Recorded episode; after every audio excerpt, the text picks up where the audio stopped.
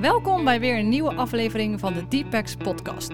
De podcast waarin we wetenschappers in de psychologie en de pedagogische wetenschappen van de Erasmus Universiteit Rotterdam te gast hebben om over hun onderzoek te praten.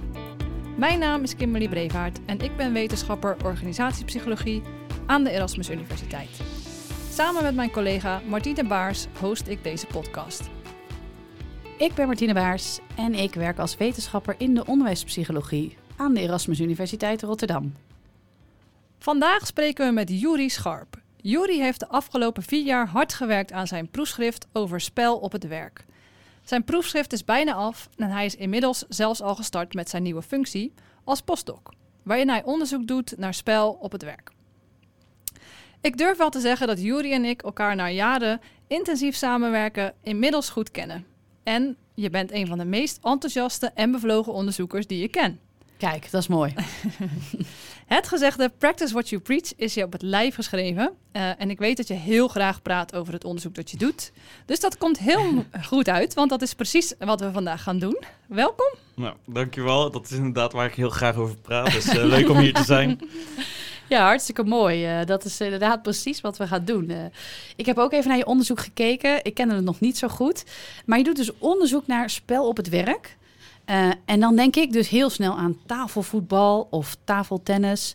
Uh, zoals de tafeltennistafel die bij ons uh, op de afdeling ja. staat. Maar dat is helemaal niet wat jij onderzoekt. Maar waar moeten we dan eigenlijk wel aan denken? Ja, het is dus inderdaad zo dat mensen vaak denken aan spel op het werk zoals tafeltennis of tafelvoetbal. en dat kan spel op het werk natuurlijk wel zijn. Maar uh, wij focussen op een net iets uh, specifiekere vorm. Uh, wij kijken namelijk naar spel dat plaatsvindt tijdens het uitvoeren van werkactiviteiten. Dus echt terwijl je aan het werk bent. Want een okay. potje tafelvoetbal is dus wel spel op het werk, maar jij doet dit dus niet tijdens het werken. Nee, je doet dat in je pauze meer of precies, zo, hè? Ja. Precies, Dus wij kijken echt naar uh, wat werknemers doen tijdens die werkactiviteiten. En dat ze die werkactiviteiten dus speels benaderen en speels uitvoeren om deze le leuker en uitdagender te maken. Oké. Okay. Dus dat kun je in principe met elke activiteit doen. Elke activiteit kun je op een soort speelse manier aanpakken. En hoe dit er precies uitziet, verschilt daarom dus ook enorm per uh, beroep. Maar in principe is het proces dus steeds hetzelfde. Dus dat je het speels aanpakt of, of er een spel van maakt. Heb je een voorbeeld om ons een beetje verder op weg te helpen? Uh, ja, en dit, uh, dit komt dus uit observaties. Je hebt bijvoorbeeld buschauffeurs. Een tijdje terug is er een onderzoek gedaan bij hele bevlogen buschauffeurs. En zij werden geïnterviewd. En de vraag was dus vooral, nou, waarom zijn jullie zo bevlogen tijdens het, tijdens het doen van je werk? Um, je had dus een van die buschauffeurs... Die vertelde dus dat dat vooral kwam doordat ze een soort spel maakte van elke rit die ze deed. Oké. Okay. Dus uh, ze reed niet simpel van, simpelweg van A naar B, maar ze maakte een spelletje van elke rit. Ze daagde zichzelf uit om zo soepel mogelijk te rijden met zo min mogelijk plotselinge rembewegingen. Dus veranderde dus zo de taak van die rit, van de werkactiviteit, door, ja, door het speels te benaderen en daardoor speels uit te voeren. Ja, en dat is natuurlijk eigenlijk voor de passagiers ook wel heel fijn.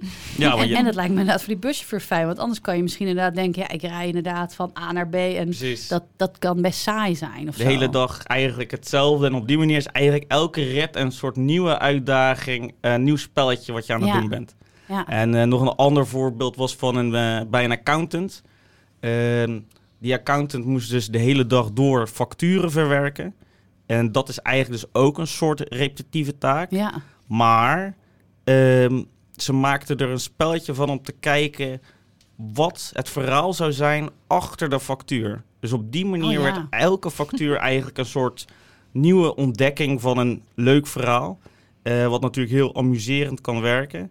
Uh, wat misschien een andere accountant die dat niet doet, die heeft misschien totaal niet die ervaring. Dus dan ga je bijvoorbeeld nadenken, oké, okay, waarom heeft deze factuur 10.000 nietjes 500 velletjes en eh, twee pennen. En dan kun je daar een grappig verhaal omheen Ik zou daar ik wel een tijdje mee bezig zijn. Dus verschillende scenario's. En, eh, ja. ja, en ik kan me nog wel herinneren dat je ook een keer zoiets vertelde over een, eh, over een bewaker die dan ook een verhaal gaat bedenken. Ja. Dat is natuurlijk ook eigenlijk best wel eentonig werk. Hè? Ja. Als je denk Ja. ik als bewaker misschien wel een hele lange periode ergens moet staan. Ja, en oplettend Precies. moet blijven, ja. Ja, want je moet dus de hele tijd die eh, ja, personen die binnenkomen, moet je in de gaten houden. Ja. En dat is ook inderdaad heel eentonig. En dat kan heel uitputtend zijn als je dat uren Ja. achter elkaar moet doen. Maar deze bewaker had er dus een spelletje van gemaakt om heel de tijd te kijken of hij kon voorspellen waar een klant naartoe zou gaan lopen. Ja. En dat was iedere keer een soort voor, maakte hij een voorspelling, kreeg hij dus eigenlijk direct feedback. Zij heeft daardoor een soort leukere taak voor zichzelf, maar hij houdt ook nog eens een keer die klanten eigenlijk een soort beter in de gaten. En dat is eigenlijk steeds het principe van, eh van speels werken. Dat ze hun ervaring leuker maken en daardoor zijn ze vaak meer bezig met het werk. Dus deze mevrouw heeft nu net deze leuke jurk bekeken. Ja. Leuke paarse jurk. Ik zie daar een, eh, dat iets, dacht ik al. iets hangen wat daarbij, wat daarbij past. Ze gaat daar vast nu eh, als volgend heen. ik kan me daar wel iets bij voorstellen. Dit doet me trouwens denken aan dat ik eh, toen ik als eh, adolescent een bijbaantje zocht en bij de plaatselijke supermarkt achter de kassa mocht werken. Ehm, ik op een gegeven moment, een beetje uit verveling, had bedacht dat als er een product langskwam wat ik niet kende, en dat waren er nogal wat, want wij aten thuis heerlijk, maar wel vrij Hollands. eh, dan vroeg ik aan degene die het product wilde kopen, wat gaat u hiermee koken? Ah. En het was ook heel erg leuk, omdat ik dan inderdaad allemaal dingen hoorde van ik dacht, goh ja. En ook leerde van, wat, wat is het? Want ik wist dan vaak wel de code die ik moest intoetsen, maar Ja. geen idee waarvoor je het zou gebruiken. Dus ik kan me daar wel, wel wat bij indenken. Dus, dus het maakt het werk wel leuker, Ja, eh, wat je ook zegt. En je noemde het ook al een beetje van, nou, het maakt het ook wel dat mensen meer bezig zijn met hun taak eigenlijk. Hè? Maar je bent wel, ook al klinkt het heel logisch en ook heel belangrijk, eh, een van de eerste die hier onderzoek naar doet, naar het, echt het spel op het werk. Waarom is daar dan eigenlijk nog niet eerder naar gekeken als het eigenlijk zo logisch voor ons nu klinkt? Ja, er is natuurlijk wel al een heel klein beetje naar gekeken. Dus je hebt wel af en toe wat eh, kwalitatief onderzoek, eh, interviews op, eh, of observaties. Maar over het algemeen zie je dat in onze maatschappij is het een beetje zo dat spel wordt gezien als iets dat afbreuk doet aan werk. Want werk wordt vaak gezien als iets serieus.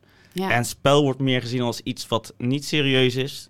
Een meer eh, ludiek karakter heeft. En daardoor zou dat afbreuk doen eh, aan de productiviteit. Dat was dus ook de mening van eh, Henry Ford van, van de auto's. En Oh, ook van ja. de mening van Theodore Roosevelt, een bekende Amerikaanse president.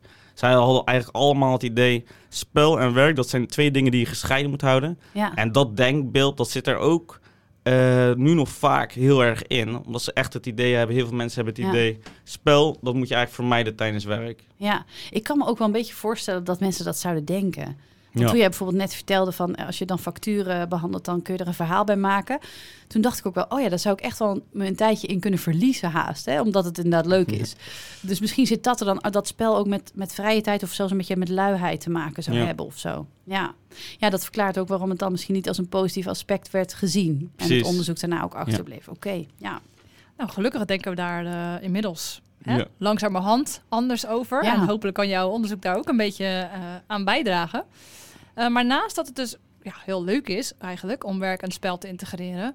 ehm, kunnen mensen natuurlijk zich ook wel afvragen waarom het eh, zo belangrijk is dat we daar naar kijken. Zo, wat zijn de voordelen nu precies van het toepassen van spel op werk? En, eh, daar had Martine het net eigenlijk ook al wel een beetje over, van dat je misschien wordt afgeleid. Zijn er ook nadelen?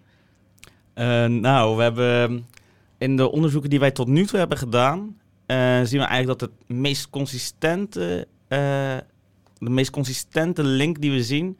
is eh, met een betere ervaring van werk. We hebben eigenlijk vooral gefocust op werkbevlogenheid. Dus dat mensen meer bruisen van energie... en dat ze echt enthousiast zijn over het werk wat ze doen. Ja. Dus we zien echt dat die werknemers die dit rapporteren... die voelen zich vaak meer bevlogen. Dus minder mensen die meer, meer spel eigenlijk tijdens het werk toepassen, Precies. dat bedoel je? Oké, Precies. Ja. En eh, het is ook zo dat hun collega's eh, vaak zeggen, of vaak rapporteren dat zij meer bevlogen overkomen en dat ze productiever zijn, dat ze creatiever zijn dan werknemers die rapporteren dat ze minder van die speelse gedragingen doen. Dus het, je ziet, Ja. we zien nu in onderzoek dat het wel echt samenhangt met welzijn en dat dat niet alleen maar zo eh, is te meten met dat mensen dat zelf vinden, maar ook dat collega's en leidinggevenden over die mensen zeggen, nou, dit zijn wel eh, uitblinkers. Want dat is eigenlijk heel positief, want van bevlogenheid weten we ook. Hè, dan zou je kunnen zeggen, het heeft ook misschien nog wel een positief bijeffect op mensen in je omgeving. Want van bevlogenheid weten we dat als mensen heel bevlogen zijn en anderen zien dat, dat dat ook een beetje aanstekelijk kan werken. Ja. Dus dat andere mensen daar dan ook weer meer bevlogen van raken. Ja, dus misschien is het goed om een eh, grappenmaker te hebben in het team. nou, die hebben we met Sowieso jou. positief. maar dat jullie zeggen van welzijn en bevlogen zijn. Maar ik hoorde ook denk ik wel een beetje in. eh, jij zei net Jury uitblinkers. Het, het is naast dat stukje welzijn en bevlogen zijn... is, is het ook gewoon eigenlijk eh, goed voor de zaak, zeg maar. Want, want je doet misschien meer werk ook. Of beter werk. Kan ja, we, dat zien, zeggen? we zien wel dat ze meer bevlogen zijn. En eh, bevlogenheid is wel een, een, eigenlijk een positieve staat dat eh, vaak gelinkt wordt aan eh, meer prestatie en eh, ja. creativiteit. En dat zien we dus ook in ons onderzoek, dat het samenhangt met prestatie en creativiteit. Ja. ja, mooi. En de nadelen dan? Zijn er ook nadelen? Eh, er zijn vast nadelen, maar wij hebben, wij hebben nog geen doorslaggevend bewijs gevonden voor nadelen. We hebben zelf gekeken naar, is het bijvoorbeeld zo dat eh, werknemers die speels werken, door het speelse werken excessief eh, aan de slag gaan met hun werk. Dus dat ze minder ja, afstand nemen van hun werk en blijven doorgaan. Want je zou kunnen voorstellen bijvoorbeeld dat, ja, doordat het zo leuk is, Ja. dat je dan blijft werken en niet stopt. Ja. En dit is ook vaak een van de kritieken op eh, gamification. Toepassen van spelelementen binnen werk, zodat mensen lang blijven werken. Omdat je Dat- verslavend wordt. Precies, precies. Ja. Dat het eh, een beetje verslavend werkt en dat mensen te lang blijven doorgaan. Ja. Ehm, daarvoor hebben wij geen bewijs gevonden toen wij daarnaar keken. Dus wij zien geen associatie met het excessieve werken. Een andere eh, uitkomst waar we naar hebben gekeken was het eh, lummelen op werk. En dan specifiek over dat collega's het gevoel hebben dat je zit te lummelen. Dus dat Ja. betekent dat je, ja, je bent eigenlijk gewoon niet echt bezig met werk. Dus bijvoorbeeld als je altijd grapjes loopt te maken, dat iemand dan denkt, nou, deze Die persoon die is niet echt bezig met werk, die Ja. doet niks. eh. maar daarvoor hebben we ook geen, eh, hadden we ook geen bewijs gevonden. Maar hoewel we dus geen bewijs hiervoor hebben gevonden, zou het misschien zo kunnen zijn dat dit afhankelijk is van andere zaken. Dus bijvoorbeeld dat dit speelse werken alleen maar omslaat tot eh, excessief werken als je een bepaalde persoonlijkheid eh, karakteristieken hebt. Of Hmm. dat dat lummelen, dat collega's vooral dat lummelen zien als eh, zij bijvoorbeeld een protestante werkethiek hebben. Ja. Protestante werkethiek is dat je echt het gevoel hebt dat je vooral tijdens werk heel serieus moet zijn en niet heel erg speels. Nou, zij zouden misschien het gevoel kunnen hebben van, nou kijk, deze, eh, deze werknemer is niet bezig met werk. Ja. Ja. Ja, precies. Dus dat, dat lijkt inderdaad heel erg uit te maken voor verschillende mensen, afhankelijk van hoe ze erin staan of wat hun eh, ideeën over werk zijn. Ja. Eh, nou, dat, zijn mij, dat lijkt me ook wel behoorlijk uiterste. Hè? Dat, je, dat je inderdaad dan van, van, van lummelen naar uitbuiting, om het zo te zeggen, kunt, kunt kijken als je zou zeggen het kan ja, nadelig werken. Eh, en het blijkt dus ook dat sommige mensen van nature al meer spel in hun werk toepassen dan anderen. Dus alles bij elkaar lijken er gewoon heel veel individuele verschillen eigenlijk te zijn. Hè? Als ik dat goed samenvat uit jouw verhaal. Ja. Maar dan tegelijkertijd weet ik dat je ook workshops en trainingen geeft. Hè? Waarin je mensen leert om spel toe te passen in hun werk. Hoe doe je dat eigenlijk? En kun je wat meer vertellen over wat je mensen dan leert? Eh, ja, het is heel leuk. Het zijn, eh, ehm, ja, het is dus een, een workshop eh, en we over spel leren, omdat we ook zien, tenminste wij zien s- het, het speels maken van werk ook als een beetje een soort van vaardigheid die je kunt, eh, kunt aanleren. Dus je kon- wordt er steeds beter in hoe vaker je het doet. Het is, Dus eh, ondanks die individuele verschillen kun je, kun je het eigenlijk aanleren, zeg Ja. maar. Ja, dat is een beetje de aanname van die workshops. eh, dat we ervan uitgaan dat het eigenlijk een vaardigheid is die we ze kunnen aanleren. Mhm. En ja, het heeft eigenlijk bijna altijd een beetje hetzelfde, dezelfde structuur. We beginnen vaak met een ehm, eh, kort verhaal over play for work design, of tenminste het speels maken van werk en hoe dat er precies uitziet en eh, voorbeelden daarvan. Mhm. En we laten mensen dan daarna vaak eerst even kort reflecteren op het feit of zij dat zelf al doen tijdens werk. Eh, daarna of zij voorbeelden kunnen bedenken buiten wat ze al hebben gedaan. En daarna gaan ze dan met collega's uitwisselen wat ze doen. Want dat kan bijvoorbeeld inspirerend werken, omdat dan misschien kun je zelfs niks bedenken, maar misschien Ja. kan jouw collega wel zeggen van, nou, ik doe dat op deze manier. En dan denk jij opeens zelf van, nou, dat, dat lijkt me heel leuk om te gaan doen. Ja, precies. En dan ma maken ze daarna maken ze een plan over eh, hoe ze het bijvoorbeeld in de toekomst willen gaan toepassen. Ja, precies. Dus dat is ook iets wat je dan ook echt samen eh, doet dan in die workshop. Ik kan me dat ook voorstellen dat je het zelf niet altijd weet van wat je wil doen. Of misschien niet altijd weet dat je het ook al doet. Ja, En als je dat dan deelt, dan kun je daar misschien beter, eh, beter achter komen. ja Ik precies. denk dat ik van jou ook wel wat eh, daarin heb geleerd. Want jij komt natuurlijk zelf heel vaak met voorbeelden. Of dan Ja. zag ik je agenda en zeg ik...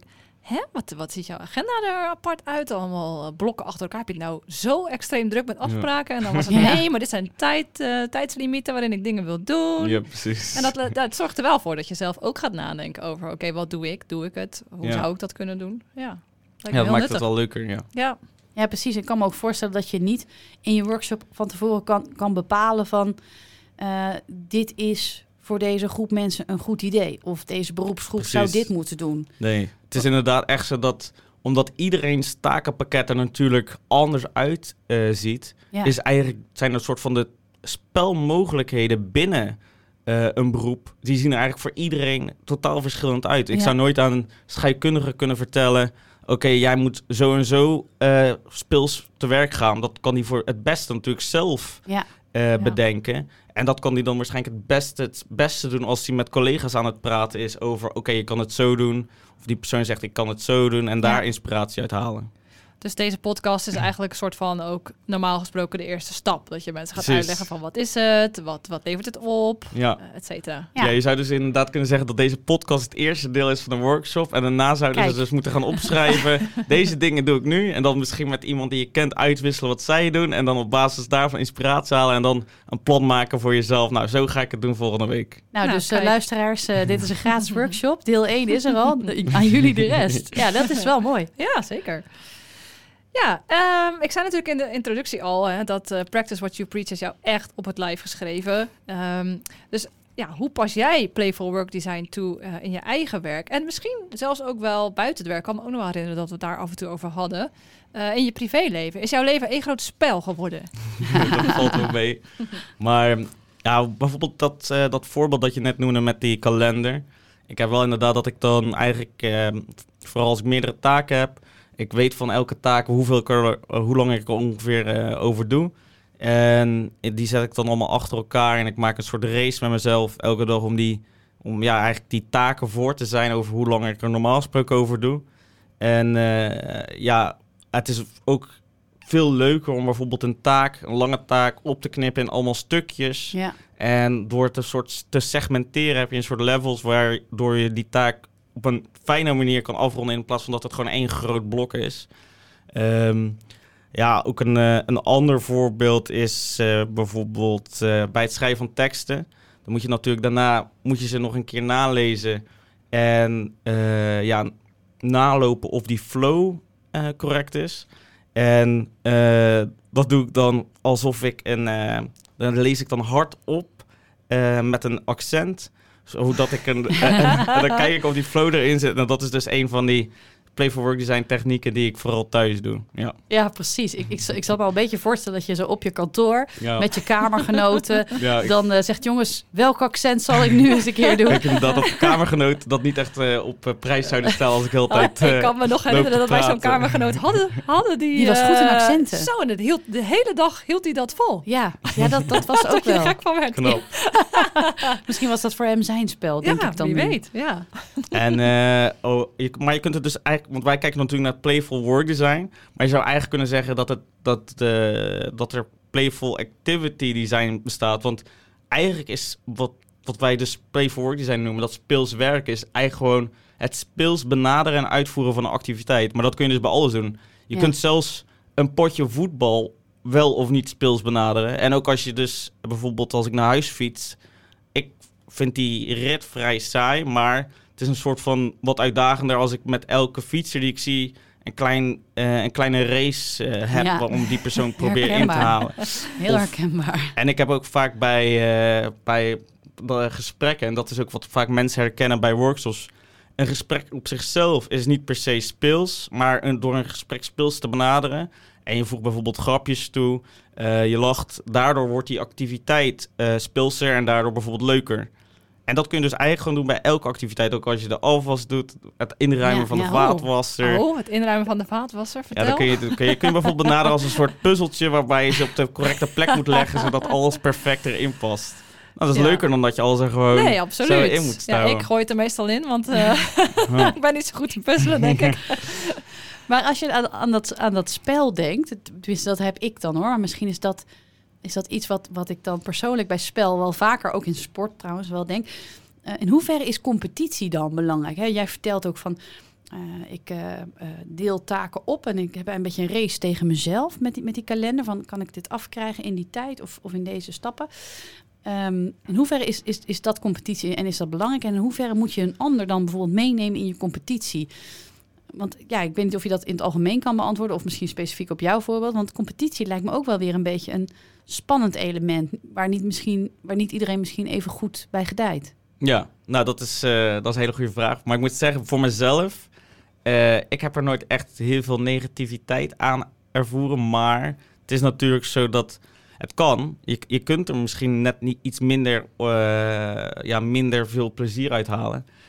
We zien bijvoorbeeld in onderzoek dat de effectiviteit van Play for Work design wel afhankelijk is van bepaalde persoonlijkheidskarakteristieken. En dat bepaalde mensen er dus iets minder uit halen. Dus het, het moet bij je passen. Ja, Ehm, ik, het past kennelijk wel bij mij, omdat ik, eh, ik haal er wel werkplezier uit. Maar als je bijvoorbeeld inderdaad zegt, ja, ik hou totaal niet van eh, het creëren van competitie, dan is misschien voor jou meer eh, het gebruik van humor en fantasie op je buik geschreven. ja, precies. Of die puzzel inderdaad. Want dat, daar, daar herken ik Ja. mezelf dan weer in. Dat, de vaatwas vind ik niet zo'n leuke puzzel. Maar de auto, als ik op vakantie ga, vind ik een hele leuke puzzel. Oh, ja. Daar ben ik ook best wel goed in, vind ik.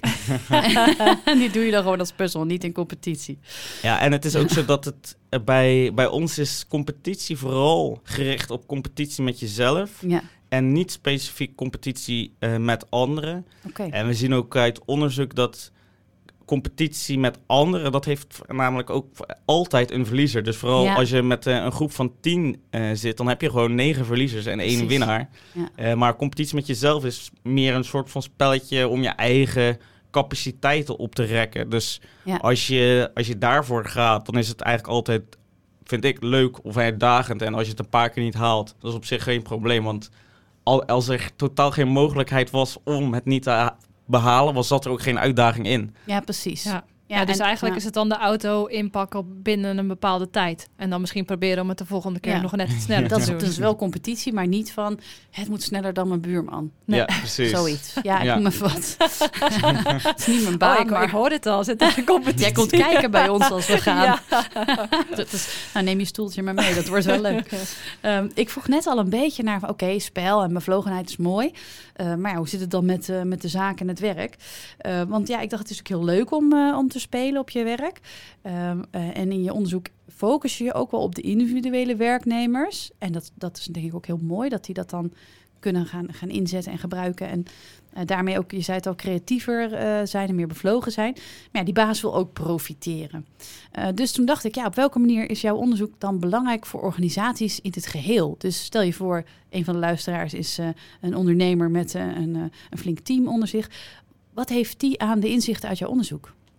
Ehm, ja, je zou dus kunnen zeggen dat op basis van het feit dat bevlogenheid zo gerelateerd is aan bevlogenheid en creativiteit en eh, individuele productiviteit, dat als je hoe meer mensen je hebt in eh, je organisatie die, die ervoor zorgen dat zij bevlogen blijven, Ja, eh, dat daar het bedrijf van profiteert. dus door, door dat spel op het werk blijf je of raak je bevlogen. Ja, precies. Ja, ja. En we zien dus ook dat normaal gesproken als werknemers bepaalde taken hebben die saai zijn of eh, sociaal eh, isolerend of beladen, dat daardoor hun bevlogenheid daalt, wat heel logisch is. Ja, Maar we zien dus tegelijkertijd dat mensen die op die dagen speels werken, de negatieve effecten van dat soort eh, werk tegengaan. Dus ze zorgen er eigenlijk Ja. voor dat hun bevlogenheid op peil- blijft.